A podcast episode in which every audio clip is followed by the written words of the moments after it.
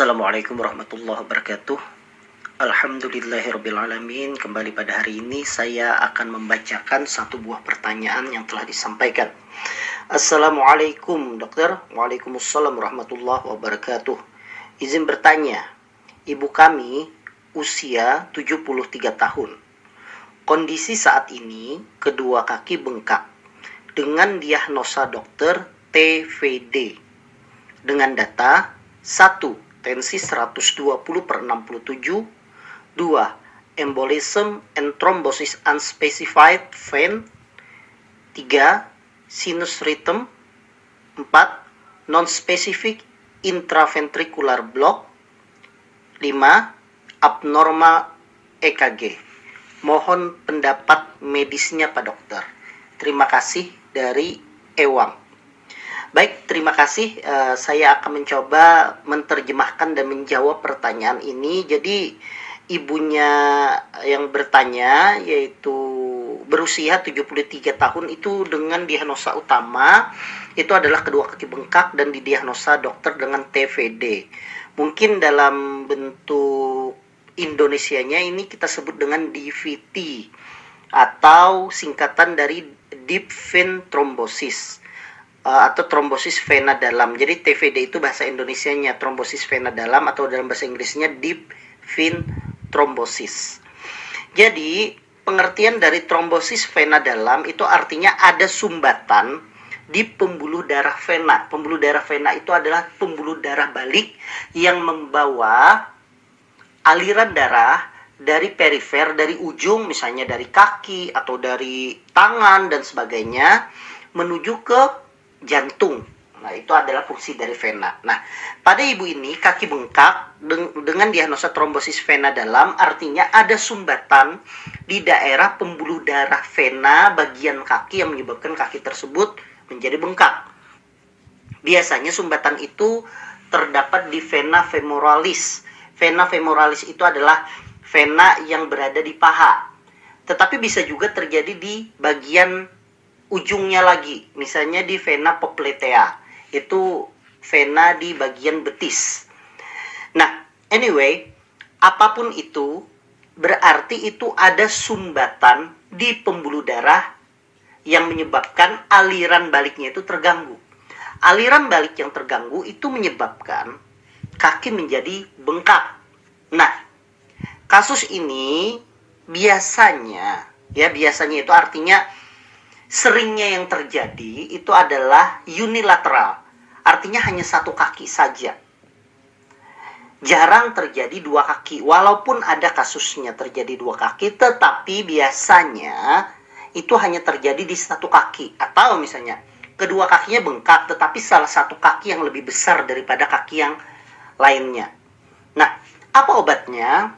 Obat yang diberikan oleh dokter adalah obat untuk mengurangi besarnya dari trombus atau sumbatan tersebut. Obat yang diberikan adalah obat pengencer darah. Tujuannya apa? Supaya trombusnya itu lama-kelamaan akan berkurang dan nanti akan menghilang sehingga aliran darah menjadi lancar lagi dan kakinya menjadi tidak bengkak lagi. Maka tentunya dipastikan bahwa ibunya penanya itu sudah mendapatkankah obat pengencer darah untuk mencoba mengurangi dari besarnya trombus tersebut atau besarnya sumbatan tersebut. Nah, kemudian data selanjutnya yang disampaikan adalah tekanan darah 120 per 67. Menurut saya tidak ada masalah. Ya, kita anggaplah kita bulatkan menjadi 120 per 70 masih dalam batas normal.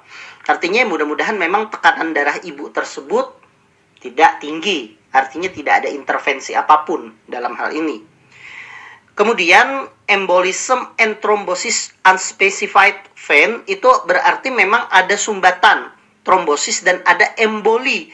Emboli itu semacam sumbatan tetapi sumbatannya itu berasal dari benda di di luar, benda di lain tempat yang menutup ke tempat yang lain. Itu disebut dengan emboli. Nah, biasanya ini terjadi dari hasil pemeriksaan Doppler vaskuler dengan menggunakan alat ultrasonografi. Ya betul saja, berarti memang terdiagnosa dalam hal ini adalah trombosis vena dalam pada ibu tersebut.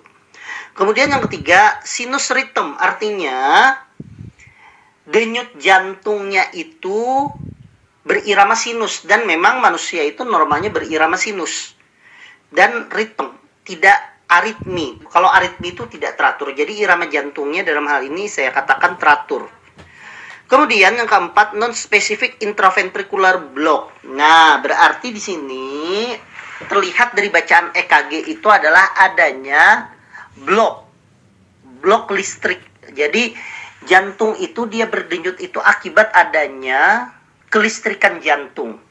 Kelistrikan jantung yang menjalar dari nodus SA. Nodus SA itu berada di atrium kanan, kemudian dia itu menjalar sampai menuju ke seluruh otot jantung. Nah, dalam penjalarannya tersebut ada saja mungkin gangguan, ada blok. Apa penyebab blok? Macam-macam. Bisa karena adanya genetik, misalnya ada jalur lain, kemudian adanya iskemik, kematian otot jantung yang menyebabkan kematian juga dari kerusakan dari saluran penghantaran sarafnya, kemudian karena adanya pembesaran otot jantung, itu bisa terjadi gambaran non-spesifik intra ventricular block. Nah, biasanya hal ini kita tidak mengetahui penyebabnya kalau tidak dilakukan pemeriksaan lebih lanjut. Apa pemeriksaan lebih lanjut? Misalnya dengan pemeriksaan melihat gerakan otot jantung dengan pemeriksaan echokardiografi.